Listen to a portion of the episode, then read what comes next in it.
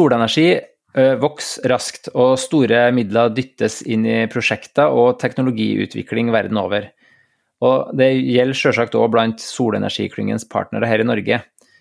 Vi kan se for oss at solenergi kan bygges ut lønnsomt på tak og fasader på hundretusenvis av bygg, og skape nye arbeidsplasser i ulike deler av verdikjeden.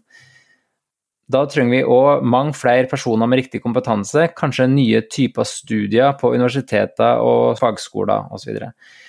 Men om hva, eh, og hvor mange sånne trenger vi?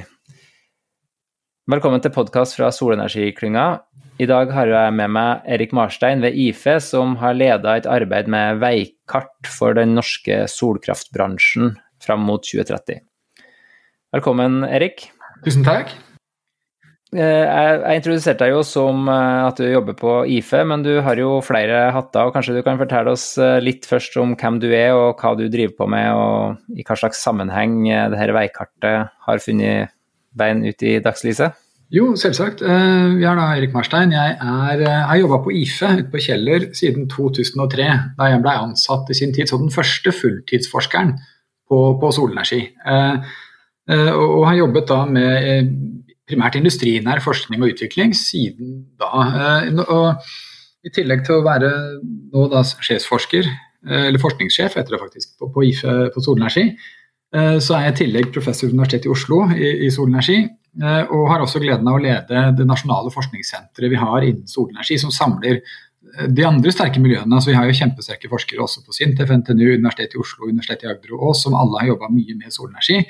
Eh, og vi har klart å samles i et eh, forskningssenter som heter Sussortec, som er sammen med Solenergiklyngen står bak det veikartet vi skal snakke om i dag. Eh, det jeg har jobba med hele veien, er jo prosjekter med, med, forskjellige bedrifter i Norge. I starten så var det jo mye prosessindustri og, og ganske materialtungt, altså det er det fortsatt. Men så har vi jo sett framveksten i de siste årene også av stadig mer sluttbrukerfokuserte selskaper, altså både på storskala solpark anlegg, og, ganske stor skog etter hvert av installatørselskaper som på en måte dekker, dekker hus i Norge med, med, solanlegg. Hvis jeg skulle si litt om veikartet, da, bare hvor det kommer fra, så er det jo slik at uh, altså Mange av oss har jobba på sol lenge, og jeg er jo ikke på langt nær den. Så, altså, det er jo mange som har holdt på i titalls år lenger enn meg, og, og, og, mange har jobba ganske hardt og uheldig med å få ting på plass. og det er klart Solbransjen har vist at den kan levere veldig mye av det verden trenger. Og vi har, liksom, Globalt sett har vi store byer. altså 2050-scenarioene florerer jo av 2040-scenarioene, og sånn, der man på en måte har klart å få fram et, et aksept for at vi kommer til å ha en verden som i stor grad er soldrevet. Altså Solkraften forventes å bli størst. Det vi ikke har egentlig hatt noen ordentlig øh, forståelse av før, er hva det faktisk betyr helt konkret for f.eks. Norge. Da, i forhold til, hva, det, hva, kan vi konkret se for oss og hva vil, konkret vil vi trenge på veien framover hit? Altså, hva, hva er, og Vi har da valgt å se på 2030, som på en måte kan virke kjempelenge til. Men på, som, som, på en annen måte er liksom innenfor rekkevidde type fremtid. Eh, og har på en måte da prøvd å sette litt tall på hva slags omsetning har vi i bransjen, hva slags sysselsetting er det i bransjen, hvordan ser denne bransjen ut, hvilke aktører er det, og hva slags kompetanse og rekrutteringsbehov vil, vil, vil denne bransjen ha. Eh, og dette er jo til dels inspirert av andre fagmiljøer. Altså vi, har, vi, har, jo sett at uh, i Norge i dag så diskuterer man jo karbonfangst mye. Man diskuterer flytende sol, nei, hva sier for noe flytende vind uh, og havvind mye. og dette er bl.a. noen av industrien som har klart å gjøre den jobben vi nå har begynt å gjøre litt på veikartet. Altså ikke, ikke bare si at dette blir stort, jeg lover deg. Men vi kan se for oss en industri som ser omtrent sånn ut, som kommer til å skape disse konkrete mulighetene. For da er det mye lettere for interessenter rundt å både skjønne hva man faktisk snakker om og ta konkrete vurderinger om dette er noe man på en måte skal få til, og, og, og på en måte lettere klare å bidra inn da, konstruktivt. For Vi trenger jo på en måte her at både industri, næring og støtteapparat og alle organisasjoner som blir med på dette her. Mm. Du nevnte nevnt dette med, med studier og, og, hvor mange personer vi trenger i framtida med, med, riktig kompetanse og sånn, og da, da er jo det nyttig input til undervisningsinstitusjoner og, og alt sånt, at, eh, at vi må vite liksom om, noe om omfanget både i, i, i terwatt-timer i 2030 og antall arbeidsplasser og sånne ting, sånn at vi kan legge riktige planer og kanskje har, har noen felles tanker om hvordan verden kan se ut om, om bare ti år. Det, tenker du at det kan brukes på den, på den måten òg, at vi kan legge noen felles planer og satt noen felles mål? Ja, det, det, er det som er et veldig viktig mål å få til, faktisk. Og, og, og en av de andre grunnene til at veikartet har vært viktig å få frem, er jo allikevel det at det er jo, det er jo lett å si solbransjen, eh, og så tror man at man snakker om en sånn homogen gruppe mennesker som alle gjør omtrent den samme tingen. Men når vi ser på hvordan den norske solbransjen er skrudd sammen i dag, og når vi også på en måte begynner å få det klare bildet av hva den norske solbransjen da kan være i 2030, så begynner dette å bli et ganske bredt aktørbilde med veldig forskjellige selskaper, som også da vil ha veldig forskjellige uh, altså veldig forskjellige ansatte med veldig forskjellige kompetansebehov uh, inn. Uh, og Det er også litt av det som er viktig å få frem. og det er liksom spørsmålet liksom, Hvor mange installatører for eksempel, da, vil vi trenge dersom vi skal oppnå miljøkravene vi ser for oss i bygg? Størrelsesorden hvor mange årsverk må kunne installere solanlegg i Norge innen 2030. Uh, på den annen side, sant, Hvis flytende solkraft, da, som er et av feltene vi har sett på, skulle lykkes, virkelig lykkes, og der er det stor vekst for øyeblikket, hvis det liksom virkelig blir stort, altså hva, hva hva kan det skape arbeidsplasser? Hvor mange mennesker vil dette omtrent være? Hvor kommer disse fra? Hva slags bakgrunn trenger de? Og da er det på en måte, Installatørene trenger jo Da er det mye byggfag, elektriker, eh, mer kanskje retta installasjon av solanleggsstudier på fagskoler og sånt. Mens når vi kommer til eh, teknologiutvikling på flytende sol eller silisiumproduksjon og sånn, så er det enten er det maritime fag, eller så er det metallurgi, materialvitenskap, prosessautomatisering og den type fag eksempelvis. Mm. Og det er jo heldigvis eh, ting vi har eh, litt greie på fra før da, i Norge, så vi har jo en del å flyte på. Du nevner jo at eh, bransjen er jo mangeslungen, og at man kanskje tenker på altså i hvert fall mann i gata da, tenker kanskje på solinstallasjoner på bolighustak når man snakker om, om solenergi. Um, men, uh, men, det spenner jo ganske bredt, den solenergibransjen. Og, og de som er partnere i solenergiklyngen, har jo egentlig bare det til felles at uh, solenergi spiller en eller annen slags rolle rolle i forretningsmodellen deres. Um, men uh, har dere da i dette veikartet prøvd å, å spenne over hele spekteret? Ja, vi har tatt for oss de viktigste, eller noen av de viktigste delene av spekteret. Eh, og da har vi på en måte plukka bransjen litt fra hverandre. Og, og bare liksom for å ta den, da, så er det klart at uh, den delen som kanskje kan tenkes å sysselsette flest innen 2030, uh, eh, vil jo være knytta til installasjon, av, uh, installasjon og drift av solanlegg i bygg primært, men også kanskje litt til lands i, i Norge. Her forventer vi ganske bra vekst, eller det vil bli bra vekst, og spørsmålet er heller hvor stor den vil bli. Og, og sysselsettingspotensialet er veldig stort.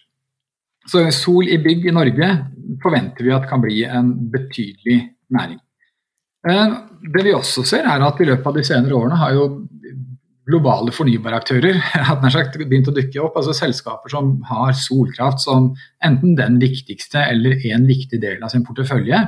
Når de drifter storskala kraftverk ute. Scatec, tidligere Scatec Solar, er jo eh, kanskje det mest kjente selskapet som har gjort en kjempejobb. Men det er klart vi ser jo også liksom, Statkraft har jo definitivt økt porteføljen sin. Equinor sitter med assets eh, der ute. Hydro har planer her.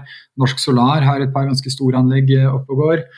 Um, blant annet, og flere store kraftselskaper tenker disse baner. og det er klart at Den type aktører er jo omsetningsmessig allerede i dag den største delen av solbransjen i Norge. Eh, og hvis de skal holde tritt med det som er forventa vekst globalt, så vil dette her også fortsatt være ganske betydelig eller det vil være svært betydelig omsetning i Norge innen solparksegmentet innen 2030. Vi snakker jo om liksom en årlig omsetning på mellom 40 og 80 milliarder kroner, tror vi, innen, innen 2030 i, i, i norsk drift av solparker. Det, det, er, det, er, ganske, og investeringer og drift, så det er ganske voldsomme ting. Eh, det vi også har sett på, er på en måte mm. den andre internasjonalt retta gjengen. Altså, fordi det er, det er jo veldig altså, er det 800-900 nesten millioner mennesker som ikke har tilgang til strøm i verden i dag. Altså, omtrent 600 millioner av dem bor i Afrika og har, har, i beste fall dårlig tilgang til strøm og veldig mye dieselaggregater og sånt. Eh, og Her ser man også eh, på flere scenarioer at sol lokalt vil kunne være noe av det viktigste. Så, så, Det er på en måte en bransje som kan virkelig og da er det kjempemulig. Liksom, da må man definere et helt nytt energisystem eh, fra scratch, eh, som er robust og gir alle de tjenestene man forventer Eh, fra et nett, eh, forhåpentligvis på en måte som gjør det som gjør det mulig å unngå å bygge disse svære fossile kraftverkene i stedet. Så De distribuerte solenergiløsningene er på en måte en egen bransje som har ganske mye trøkk eh, i Norge. Så På teknologisida har vi også selskaper. altså Vi har silisiumaktørene. Eh, og norsk eksport av silisium, som er da det aller viktigste solcellematerialet i verden, er jo svært betydelig. Eh, Norsk silisium inngår nå i solcellepaneler som produserer noe sånt som 7 TWh i året. så Det begynner liksom å bli en del strøm fra disse silisiummaterialene fra Norge. Så, og Der er det liksom, Norcem, REC Solar, eh, Quartz Corporation, Norwegian Crystals, eh, selskaper som driver med prosessering eh, og en god del nybygging og vekst i Norge. Og så er jo flytende solkraft, som er et eget segment, der det ikke er den største sysselsettingen i dag, men en ekstrem dynamikk og selskaper i rask vekst. altså Ocean Sun kanskje mest kjent, men også Moss Maritime, Equinor, eh, Sunlit Sea. altså det er, det er, en godt knippe med selskaper som jobber innenfor det segmentet også. Uh, så har vi fire fabrikker minst som driver lager bygningsintegrerte solcellepaneler, altså paneler som skal inn i bygg, mer fra prosessindustrisida, som er en del av bransjen. I tillegg til har vært så vidt borte av solvarmeanlegg, uh, som er svært viktig i solenergiklyngen. Og som, også, som er skal vi si, en annen anvendelse av solenergi. Eh, ikke lage strøm, da, men i dette tilfellet heller varme i form av luft, varme, eh, vann og tau. Mm. Ja, solvarme er jo noe som vi ikke har snakka så veldig mye om i podkasten, eh, må jeg innrømme. Men jeg så at i, i veikartarbeidet så har Innoventa Solar vært involvert, og dem har vi nok en podkast på trappene med i om ikke så altfor lenge, da, så da får vi lære litt mer om, eh, om solvarme og mulighetene innenfor det òg. Eh, du trekker jo fram at vi har, eh, vi har liksom bestanddelene, og vi har sant, aktører som driver innenfor solparker, distribuerte systemer, prosessindustrien og flytende sol, og, og, og bygningsintegrerte solcellepaneler. Og Eh, men, eh, men, det er jo ikke nødvendigvis eh, sånn at Norge automatisk tar sin proporsjonale del av den globale veksten. Hvordan skal vi sørge for at det kan være mulig da, framover? Ja, altså, jeg, jeg, tenker jo for det første at målet bør være at vi gjør mer. Eh, og det er jo litt av det vi har klart å få til. Eh, et, altså, det er klart På installasjon av sol hjemme så er Norge et stykke bak uh, de som er, langt, eh, de som er liksom fremme i feltet. Så vi, vi, har en raskt voksende installasjonsbransje, men med installert kapasitet Norge per dags dato er ikke det er ikke samme størrelsesorden i nærheten av liksom det man gjør i bare dra til Sverige, dra til Danmark, dra til Tyskland, ikke minst. Så ikke På installasjon hjemme så ligger vi et stykke bak. Uh, når det kommer til prosessering av komponenter, så er det klart at altså innenfor silisium og sånn, så er jo Norge en av de store aktørene. Det er veldig vanskelig å konkurrere med Kina. For de er ekstremt enorme på alt som produseres av eh, solkraftutstyr. Eh, men hvis man på en måte ser bort fra den store prosentandelen de har, så begynner den norske, norske andelen å bli betydelig. Altså, vi er jo blant de viktige landene på silisium eh, i verden. Det er bare at Kina er så voldsomt viktig eh, på silisium. Så, så, vi er jo langt over altså, I europeisk sammenheng er den delen av norsk industri helt unik, eksempelvis. Eh, Eh, på flytende sol eh, så er det jo også slik at altså, vi har en del selskaper altså, I dag er det to selskaper, et fransk og et eh, kinesisk, som mer eller mindre komplett dominerer det som installeres av flytende solkraftverk. Men dette er teknologiske løsninger med betydelig forbedringspotensial. Både i forhold til kost, logistikk og, og ytelse. Og, og, her har jo flere norske selskaper sett, sett muligheter for å komme med konkurrerende, altså godt konkurrerende teknologi inn. Og hvis Tina faktisk lykkes med liksom, å få sitt, eh, sin teknologi inn i markedet, så er det klart at der kan man jo forvente Der må jo håpet være å igjen få til veldig mye mer enn de aller, aller fleste. Jo, vi trenger store aktører uh, for å lykkes i dette i utgangspunktet. Så det er ikke slik at hvert land vil ha hver sin champion. Så skal Norge lykkes på flytende sol, så må vi være bedre enn de aller fleste på flytende sol. Det er klart at Scatec er, er et verdens største, et av verdens største liksom, solkraft- eller uavhengige solkraftselskaper. Um, og det, eh, Nå ser på ambisjonene i Statkraftsystemet bl.a. og det eh, blir veldig spennende å følge Oppedals Equinor. Altså, det er en del ting som skjer også på den sida som gjør at det burde være naturlig å forvente at Norge ikke bare skal henge med i veksten, men forhåpentligvis klare å ligge foran veksten. Du nevnte jo uh, Ocean Sun som det mest kjente, og, og, og, for så vidt Equinor som selvfølgelig er mer kjent, men kanskje ikke nødvendigvis mer kjent som flytende, flytende solaktør. Men uh, Ocean Sun har jo hatt en voldsom vekst på børsen og har fått kontrakter sånn i, i, uh, i Korea, Sør-Korea. og har, har, masse prosjekter og liksom, teknologileveranser rundt omkring i verden. Men, men hvordan kan vi se for oss at disse aktørene som kan bli stor, eh, føre til arbeidsplasser i Norge? Kan vi, kan vi se for oss det, eller blir det, blir det liksom bare børsverdier? Nei, kommer til, Det kommer nok til å bli flere ting. men der, der, har vi også prøvd å få et førsteanalyse. Men det er klart her eh, En av Veikartets flere funn er jo at, eller, eller anbefalinger er at man burde gå inn og gjøre en mye mer detaljert og tung analyse. og Det har det rett og slett ikke vært midler og, og ressurser til i denne omgang.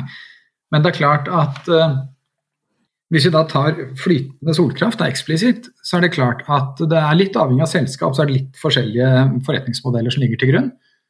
Eh, eh, men i utgangspunktet er det mulig å se for seg flere deler av verdikjeden fra Norge, så lenge vi klarer å få til både kvalitet og kostnad som er relevant. Altså Sol må være billig, ellers så er det ikke konkurransedyktig. Altså, det kan være så bra som helst, men når man ser på det vi klarer å få til med dagens teknologi og sånn, så er det allerede ganske ålreit. Så, så, så, det er ikke Vi kan ikke doble kostnaden på ting bare fordi det blir marginalt bedre. Så vi er, vi er, nødt til å være relevante på kostnad, mens vi må være bedre enn det som finnes. Uh, men der er det mulig å se for seg en ganske betydelig sysselsetting. Og noe av det skyldes jo rett og slett det at uh, altså, om det så er lisensiering av teknologi og sånn, så må det følges opp. Så det blir ganske betydelige hjemmekontorer. Også av selskaper som kanskje ikke produserer absolutt alt her hjemme.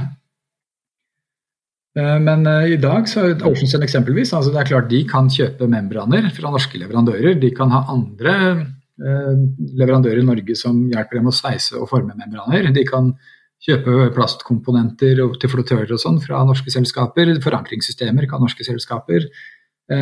Instrumentering kan leveres delvis av norske selskaper. Eh, bare for å ta noen av eh, de Engineering og utviklingsbiten kan gjøres av dem pluss norsk støtte. og sånn, sånn at Det er veldig lett å se for seg flere norske aktører inn. da.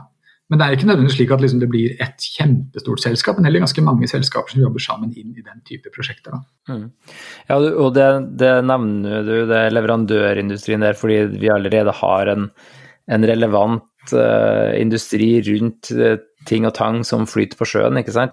Ja, for når vi begynner å se på det som er både mulighetene og utfordringene på flytende sol eksplisitt, da, så er det jo slik at dette begynner å bli ganske stor Altså et solkraftverk er en stor langtidsinvestering. Uh, du betaler alle penga up front, omtrent, og, og, da bør den holde i garantiperioden. Og den kan jo fort være 20 år. 30 år på land.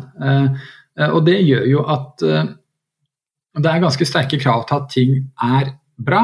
Eh, og, og, det har vært et par altså Flytende sol som konsept har vi virkelig fått skjønt at funker.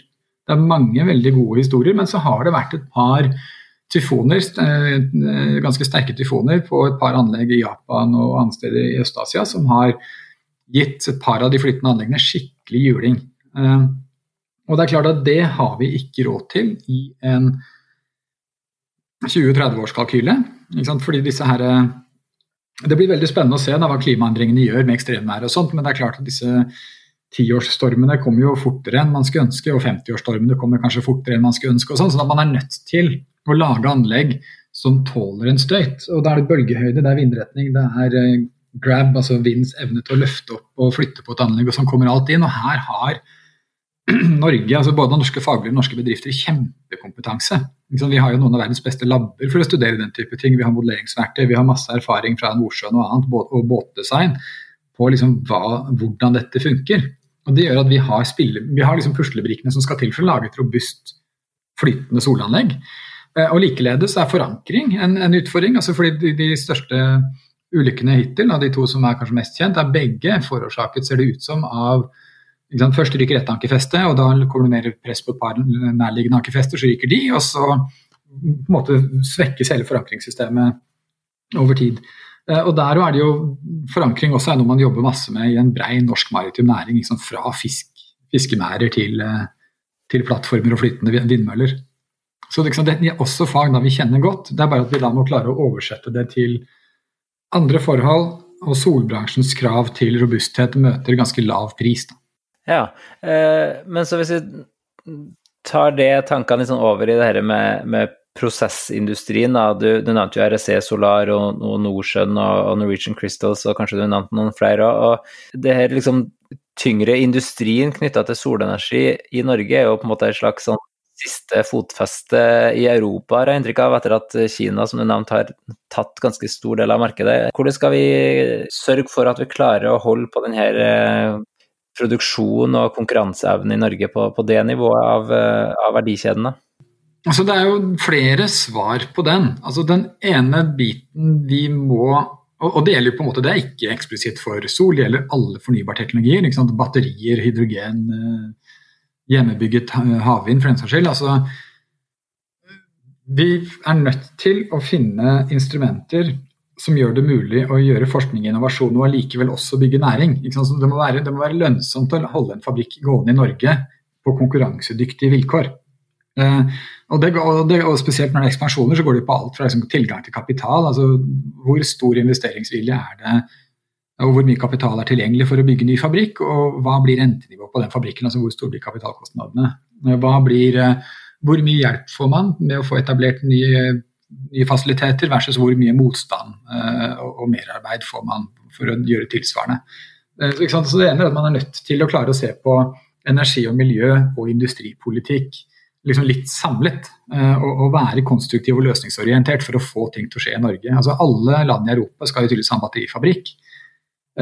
Eh, og Ingen er i tvil om at batterimarkedet blir stort, eh, men liksom der er det akkurat det samme som kommer til å gjelde. Altså man vil bygge de fabrikkene som er verdt å bygge, og da er det en totalvurdering som går på ikke bare megatrenden at ja, det blir mange batterier, men liksom her er det et bra sted å bygge fabrikk. Fordi sånn, sånn, sånn, sånn og sånn gjør denne lokale løsningen best for vår fabrikkbygging.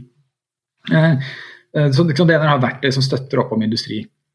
Eh, det andre som er veldig spennende, er jo knytta til det at de norske aktørene har vært veldig fokusert på altså egentlig veldig fornuftig kostnadsreduksjon og redusere energi og redusere tap i prosess. Men det har jo gjort at de med, med veldig god teknologiforståelse har klart å utvikle noe som er verdens mest miljøvennlige prosesser for å lage silisium til bl.a. solceller.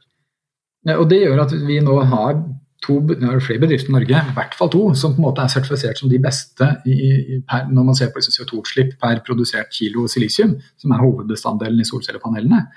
Eh, og det har begynt å få markedsmessig betydning. Så I Frankrike så har det vært gitt bonuser eh, i, i, priser i forhold til liksom CO2 per, eh, per, kilo silisium, sånn at du kan slippe unna med litt høyere priser ved å gi et grønnere materiale. Eh, RSC Solar landa jo et par par-tre kontrakter i Sør-Korea hvis ikke det var flere her før jul, på sitt nye silisium, liksom, fordi det er sertifisert grønt. Og, og, det å da komme til bords med bærekraftig og dokumentert bærekraftig silisium ser ut til å være en veldig viktig og veldig spennende bit. Og spesielt da kanskje for sol- og solcelleanlegg som skal inn i bygg. Fordi byggebransjen ofte er den som er mest interessert i å dokumentere altså totalavtrykkene til bygningene. Altså der kommer det stadig sterkere reguleringer og krav og en stadig sterkere forståelse av liksom at man skal bygge så grønt man kan. Og Da er det også viktig at solcellepanelene har så grønne fotavtrykk som de kan. Og der, der, Det er en kjempemulighet ser det ut som for silisiumaktørene. Og Det er også litt av argumentet man bruker for batteriproduksjon i Norge også. Og Da er det jo veldig viktig at norske myndigheter følger opp alt som skjer innenfor EU, kanskje spesielt knytta til uh, miljøsertifisering. da, eh, altså Ekodesigndirektivet og what have you. altså når, når, man da diskuterer hvordan man skal sette merkelapper og prising av eh, miljøkostnader på produkter og sånt, så er det noe som faktisk kan ha, ha en reell, kommersiell betydning for, for, norske produsenter. Og Hvis man får en betydelig CO2-avgift, så det, åpner det døra for masse produksjon og vekst. Og, og hvis CO2-utslipp eh, ikke koster noe som helst, så er det klart at da er det bare produksjonskostnader det går på. Mm. Jeg har jo tidligere hatt en prat med Tina Saltvedt på podkasten her, og der vi snakka om EUs eh, e taksonomi, og at man må synliggjøre at man er grønn og klimavennlig og, og jobber med den typen problemstillinger. og Det kan jo være en, en måte som de, de, som investerer i de grønneste teknologiene nå har lettere for å få finansiering av, eh, av sine prosjekter, som igjen øker fokus på på at man etterspør de mest klimavennlige panelene. For solenergi er jo klimavennlig, men, eh, men det er jo òg et, et, ganske stort potensial for å gjøre det enda mer klimavennlig. Og det, det står vi vel i en god stilling til i Norge for å bidra til, og kanskje også klare å kapitalisere på.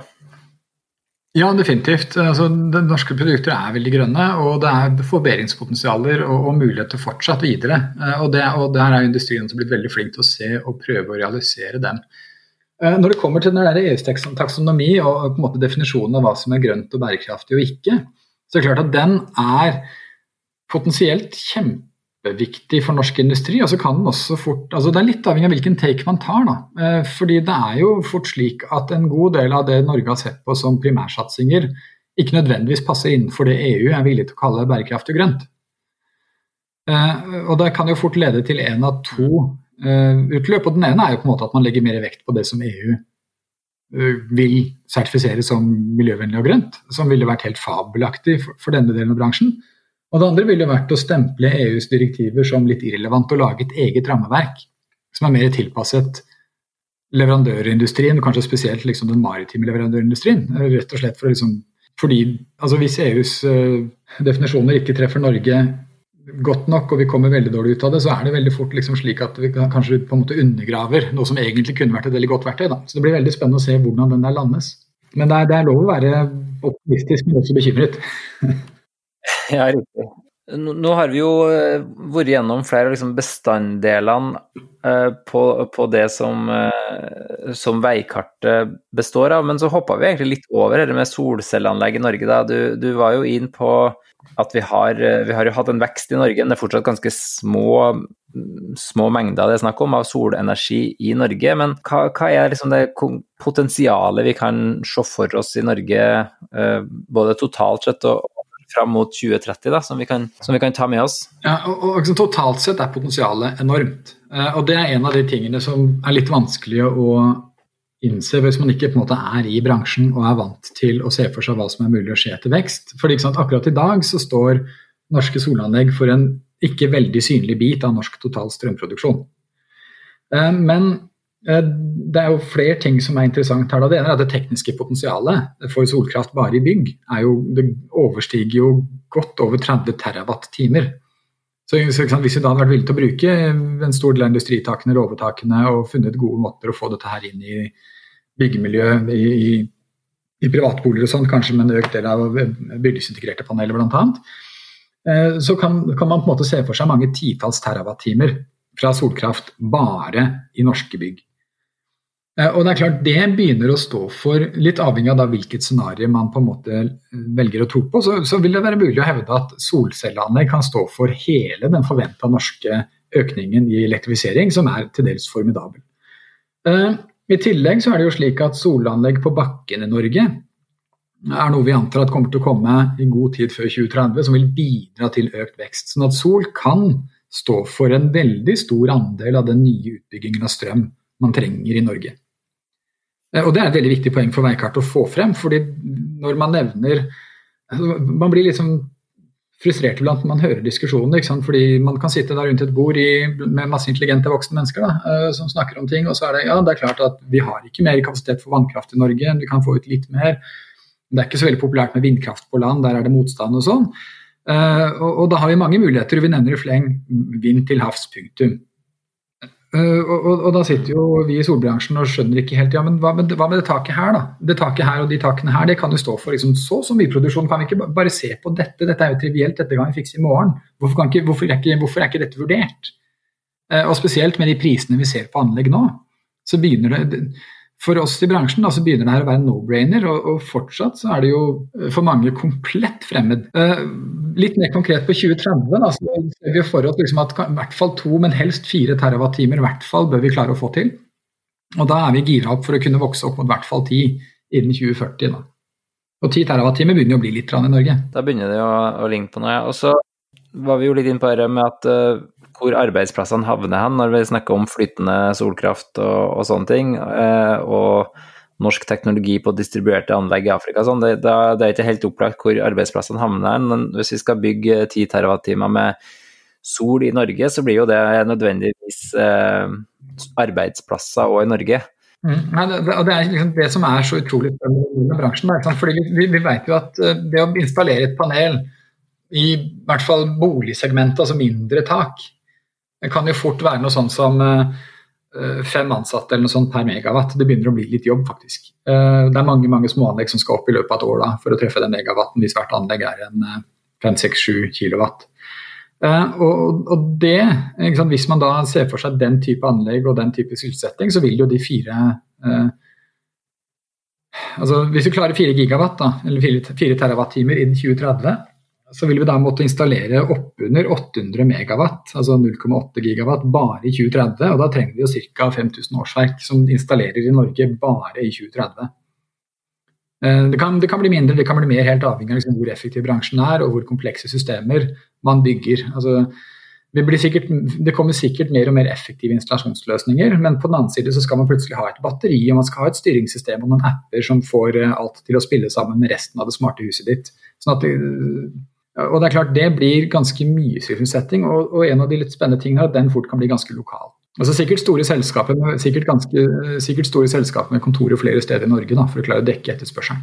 Men så vil jo uh, solenergi Det blir jo trukket fram av og til som at, man, uh, at det gir ganske mange arbeidsplasser per uh, megawatt installert, som er innpå, men, men vanligvis er jo ikke en bra ting i sånn økonomisk sammenheng at, at, det krever veldig mye arbeid å få det gjort. Hvordan, hvordan henger dette sammen, at, at, det er bra? og, og er det fordi at det fortsatt er billig, selv om det er masse arbeidskraft eh, som inngår, at, eh, at, det er en eh, bra ting? Jeg skjønner jo at vi trenger arbeidsplassene, liksom, men, men fordelen med oljen f.eks. er jo at det tyter opp et, et hull i bakken, kan du si. At man produserer mye energi per arbeidstime. da.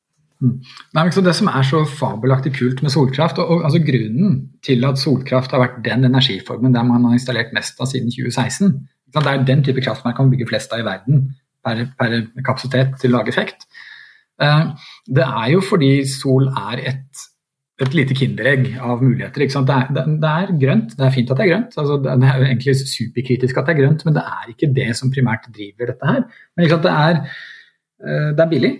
Tidligvis billigst av det man kan gjøre. Eh, og, det er også den energiformen som sysselsetter flest per kilowattime produsert allikevel.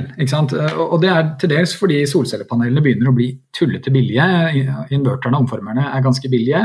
Mye av innfløstningskomponentene begynner å bli ganske standard. sånn at det er altså person, Personalkostnader begynner å synes ganske grundig i, i, totalkostnadene eh, på, på, installasjoner.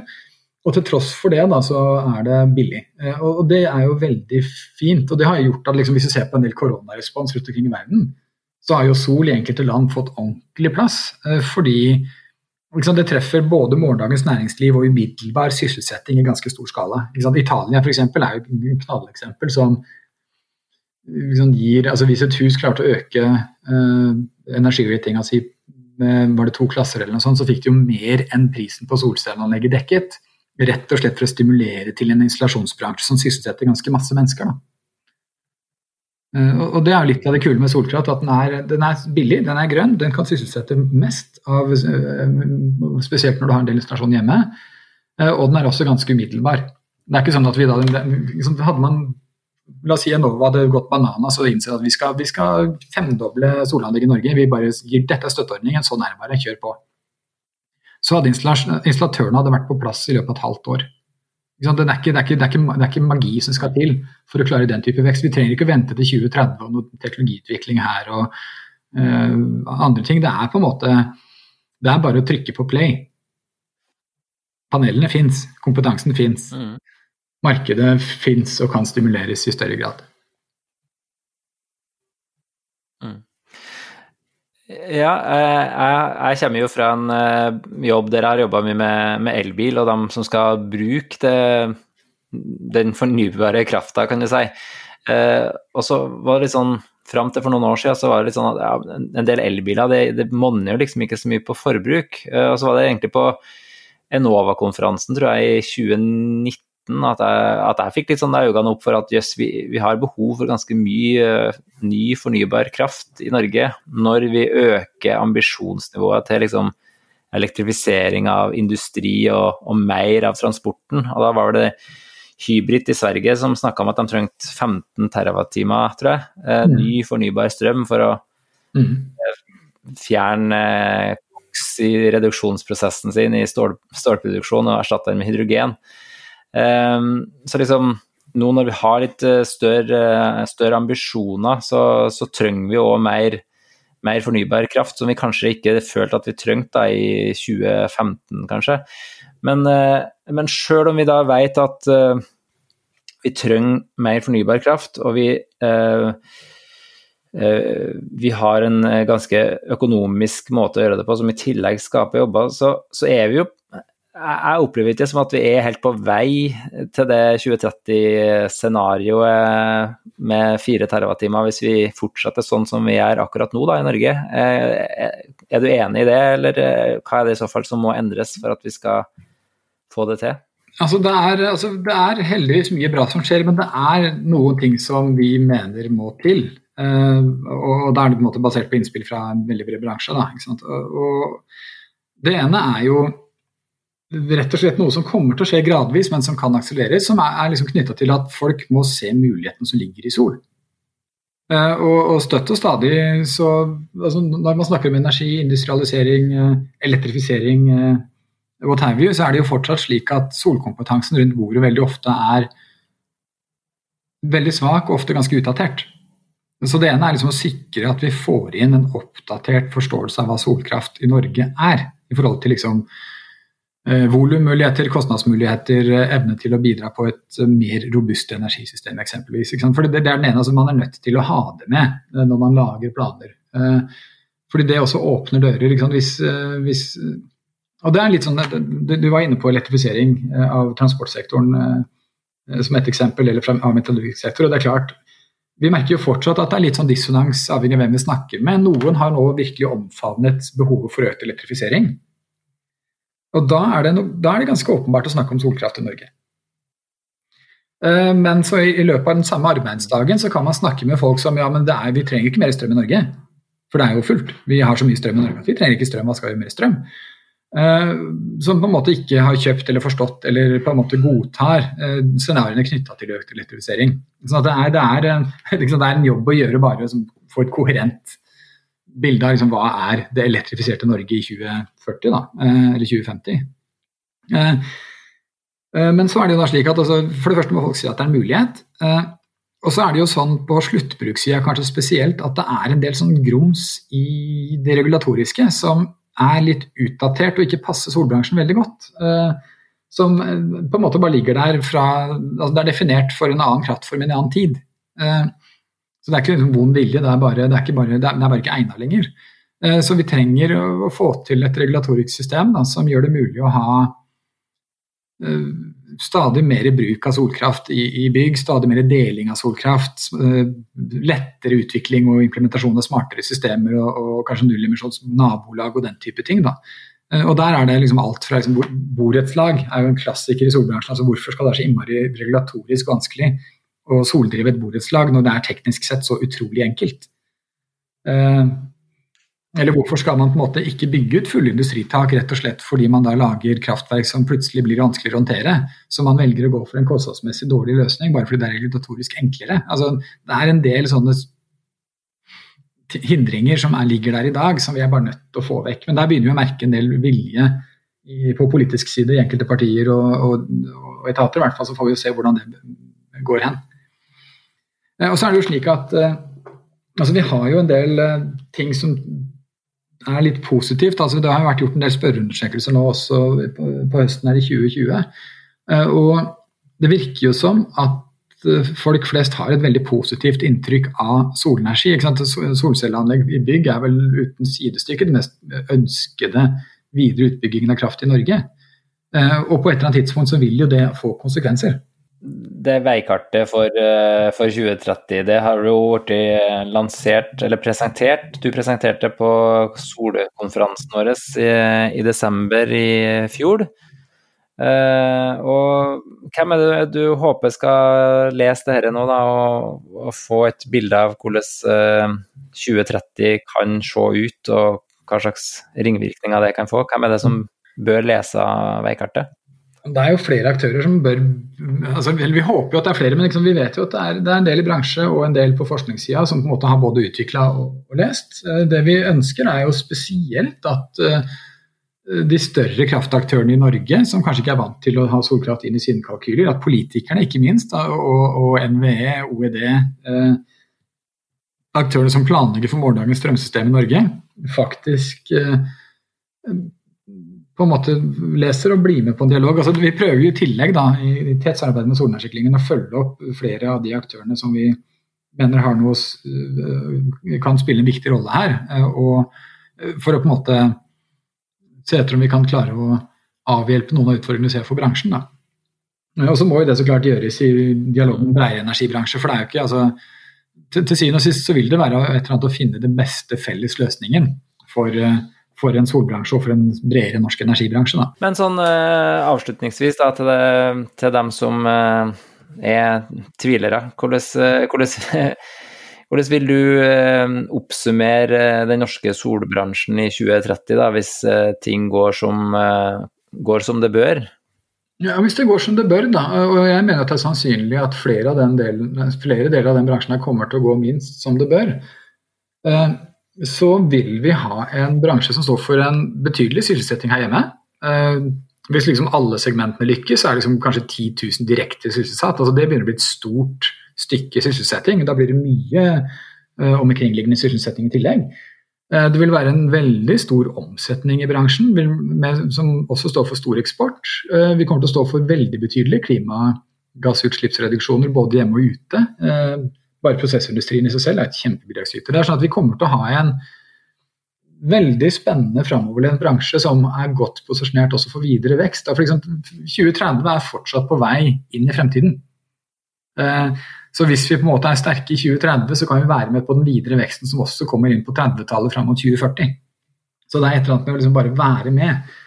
Uh, og, og, på en måte For meg er jo den åpenbare motsatsen at vi ikke klarer å henge med. Og, og solkraft er trolig det største toget som går innen energi. Og det er veldig veldig skummelt for et bredt norsk energivant samfunn. Uh, å plutselig ikke være med på den største tingen som skjedde på energisiden i verden. Men altså, jeg, er, jeg er veldig godt mot utrolig masse flinke kolleger i den bransjen. her, Veldig mange spennende selskaper. Uh, veldig mye vilje og kompetanse og kunnskap. Så, så, jeg tror dette kommer til å skje. Ja, med det så tror jeg at uh, jeg skal si takk for at du ga en liten sånn smakebit fra det her veikartet. Uh, altså i podkastnotatene så skal jeg legge ved lenke til selve veikartet, selvfølgelig, men òg til den presentasjonen du holdt på konferansen vår eh, den 8.12.2020. Takk for muligheten.